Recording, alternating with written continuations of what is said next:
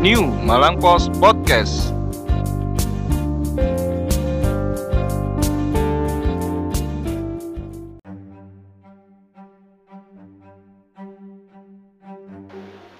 Selamat sore para pendengar podcast New Malang Post. Sore hari ini kita kedatangan anggota DPR RI Komisi 10 Ya, dari Dapil Malang Raya Ibu Nyai La- eh, Latifah Sohib yang berkenan singgah di kantor kita pada sore hari ini.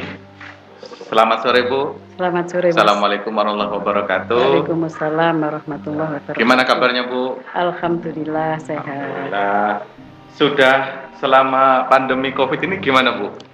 Selama pandemi Covid, saya bekerja dari Malang, mengikuti rapat-rapat virtual yang diselenggarakan oleh komisi, fraksi maupun paripurna.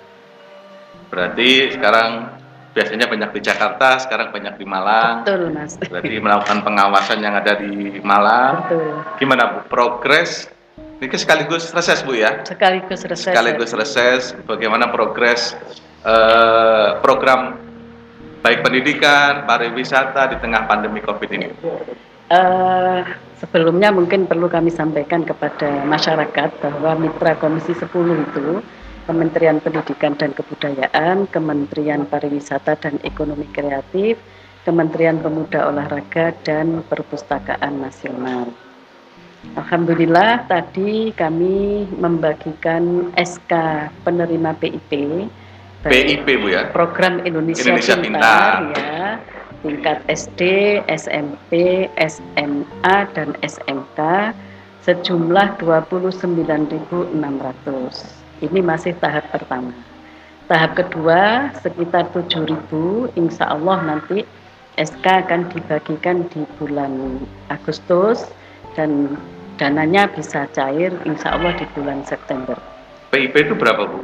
Yang diterima? PIP itu SD 450.000 satu tahun, SMP 750.000 satu tahun, SMA dan SMK 1 juta satu tahun. itu diterima mereka tuh kalau sudah pindah ke pendidikan gimana Bu dari SD ke SMP kan ada beberapa orang tua yang orang tua yang bingung Bu Ya. ketika menerima PIP di SD nah ini di SMP Kadang-kadang tidak menerima. nah ya Iya. itu gimana Bu? PIP ini diusulkan selama setiap tahun. Oh, setiap Iya, tahun. jadi meskipun SD kelas 1 menerima, kelas 2 kalau tidak kita usulkan kembali ada kemungkinan tidak menerima dan begitu seterusnya. Beda dengan kemarin bidik misi yang Ya. sekarang menjadi PIP kuliah. Eh, Bidik misi itu eh, diberikan selama empat tahun. Jadi seleksinya di tahun pertama, semester 1 tahun pertama, pertama. dan mereka akan menerima sampai semester 8 atau akhir tahun keempat. Kalau sampai semester 8 mereka Belum tidak selesai. selesai, maka untuk selanjutnya mereka tidak menerima beasiswa Beasiswa. bidik misi. selama program Indonesia Pintar sudah banyak, berapa banyak Bu yang digelontorkan yang melalui Eh, komisi eh, melalui Melalui saya jenengan. aspirasi Iya. saya Se- periode 2014 2019 itu rata-rata sekitar 20 sampai 21 ribu. Nah ini untuk periode 2019 sampai nanti ke depan saya kurang tahu. Tapi tahun 2020 ini saya mendapatkan slot sekitar 35 ribu. Karena memang setiap tahun usulannya kita tingkatkan. Jadi lompatannya satu juta satu juta gitu peningkatannya. Bu PIP itu kepada siapa sih Bu yang diterima itu? PIP itu diberikan kepada masyarakat miskin yang rentan drop out. Ya, jadi ini di luar untuk keperluan membayar SPP karena SD itu kan sudah ada bos. Betul. Nah, karena ada SMP juga ada bos. Diharapkan bos ini sudah mengcover kebutuhan sekolah termasuk SPP. Untuk sekolah negeri itu mungkin bisa melaks- menutup semua kebutuhan sekolah, Sekolah. karena gurunya sebagian PNS sudah dibayar oleh negara. Tapi untuk sekolah swasta itu sebagian besar masih ada peran serta masyarakat. Nah, diharapkan dari PIP ini bisa menutup kebutuhan pribadi anak, misalnya terkait dengan buku, sepatu, kemudian seragam, tas sekolah, juga sebagian bisa menambah kebutuhan eh, untuk eh, apa namanya menutup kebutuhan sekolah. Bu kalau ada sudah ada bantuan kayak begitu, kemudian sekarang ini kan sekolah tidak ada tatap muka gitu. Ya, Sekarang sekolah sudah virtual. virtual semua. Ini hampir masalahnya hampir sama semua. Masalah kuota, masalah jaringan. Ya, Ini gimana ini Bu? Mengantisipasi orang tua yang sudah pengok-pengok soal kuota ini. Salah satu yang hampir setiap raker dengan Pak Menteri selalu kami ingatkan untuk segera komunikasi dengan Kementerian Kominfo terkait dengan kuota eh, Internet. kuota internet ya. Tapi eh, sampai terakhir raker terakhir kemarin belum ada laporan dari kementerian. Yang sudah terrealisasi kerjasama dengan TVRI. Jadi ada program pembelajaran eh, yang materinya disiapkan oleh Kementerian Pendidikan dan Kebudayaan. Oke. Meskipun itu juga mengeluarkan biaya, tetapi masih bisa di cover oleh kementerian. Dan ini sudah ada program in- eh, untuk eh, membantu kuota internet. Internet. Ya. Nah, makanya tadi saya BUP biaya operasional pendidikan yang diberikan kepada siswa itu kalau SD 900 setiap satu siswa setiap tahun itu bisa digunakan salah satu penggunaannya bisa digunakan untuk membantu siswa membeli kuota internet termasuk guru-gurunya Oh. tidak hanya siswanya saja yang butuh kuota Iya, guru-gurunya iya. juga butuh kuota Betul, betul. karena tugas-tugasnya juga disampaikan secara virtual, Virtual. malah sekarang eh, informasinya banyak orang tua yang kepingin didatangi oleh guru sehingga ada program home visit Home sekarang visit. itu ya Nah, itu kan juga perlu transportasi yang bisa juga diambilkan dari dana eh, bos Itu kalau di dunia pendidikan mungkin banyak ya banyak masalahnya. loh. iya Ini yang termasuk yang terdampak juga ini teman-teman pariwisata dan ekonomi kreatif. Oke. Nah, gimana Bu perhatian dari Komisi Eh, 10 eh, ini? Ya, Eh, dari Kementerian Pariwisata itu ada realokasi anggaran sekitar 105 miliar. Nah, itu salah satunya kami minta untuk memberikan BLT kepada masyarakat pekerja di sektor pariwisata dan ekonomi kreatif. untuk mendapatkan itu.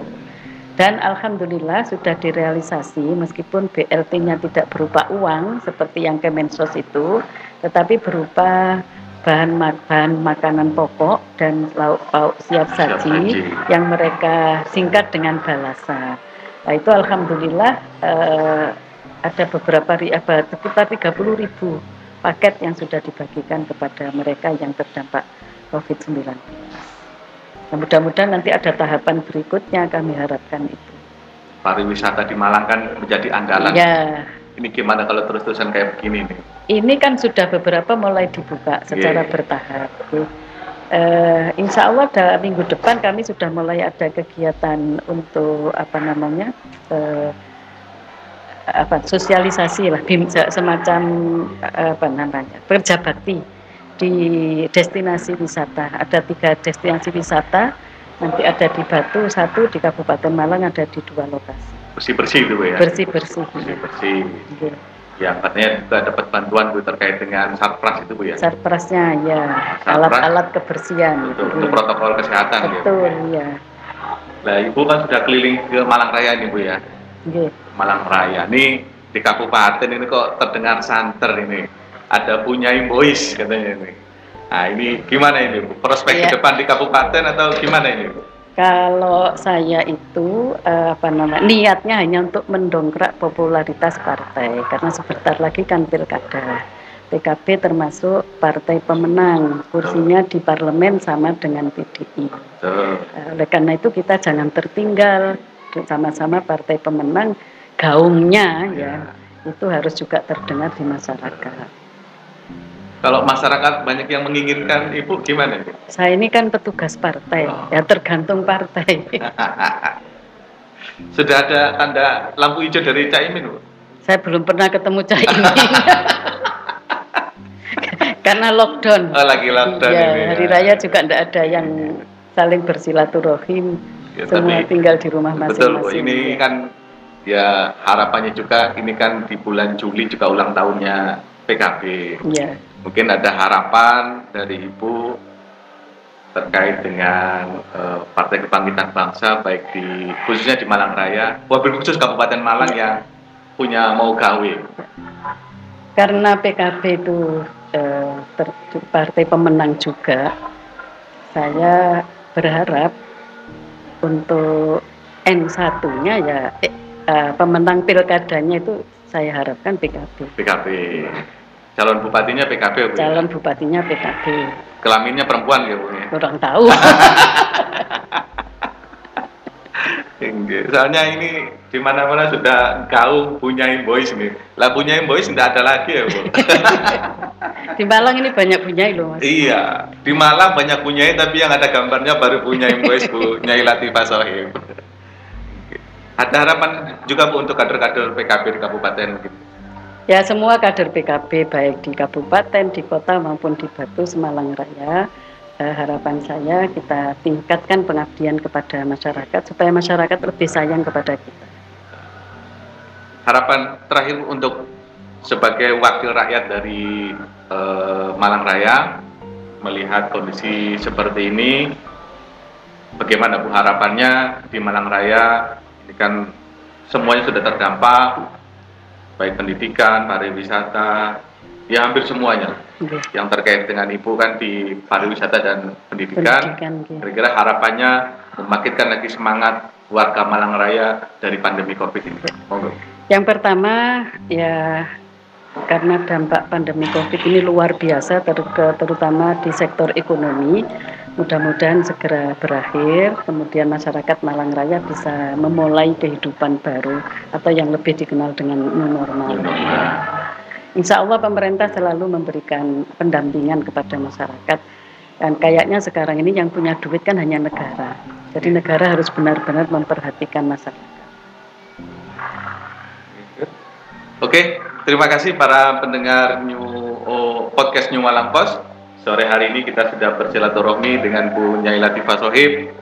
Uh, beliau sudah banyak memaparkan terkait dengan tugas pokok dan fungsi beliau sebagai anggota DPR RI dari Komisi 10 yang berangkat dari Dapil Malang Raya, wabil khusus partainya PKB yang juga sekarang gambarnya juga sudah banyak punyai boys. Jadi kalau ada tagline punya Boys ya hanya bulat di Sohib gitu.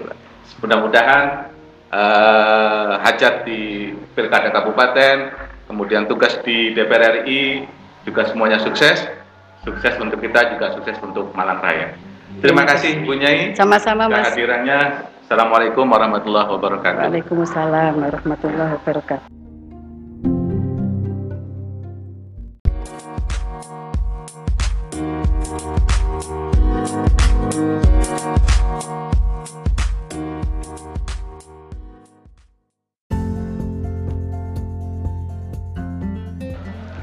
Saya Latifah Sohib, anggota DPR RI, fraksi Partai Kebangkitan Bangsa Daerah Pemilihan Malang Raya. Ojo lali dengarkan terus New Malang Post Podcast dan baca koran New Malang Post asli korannya Arek Malang, New Normal, New Era, New Spirit, New Malang Post.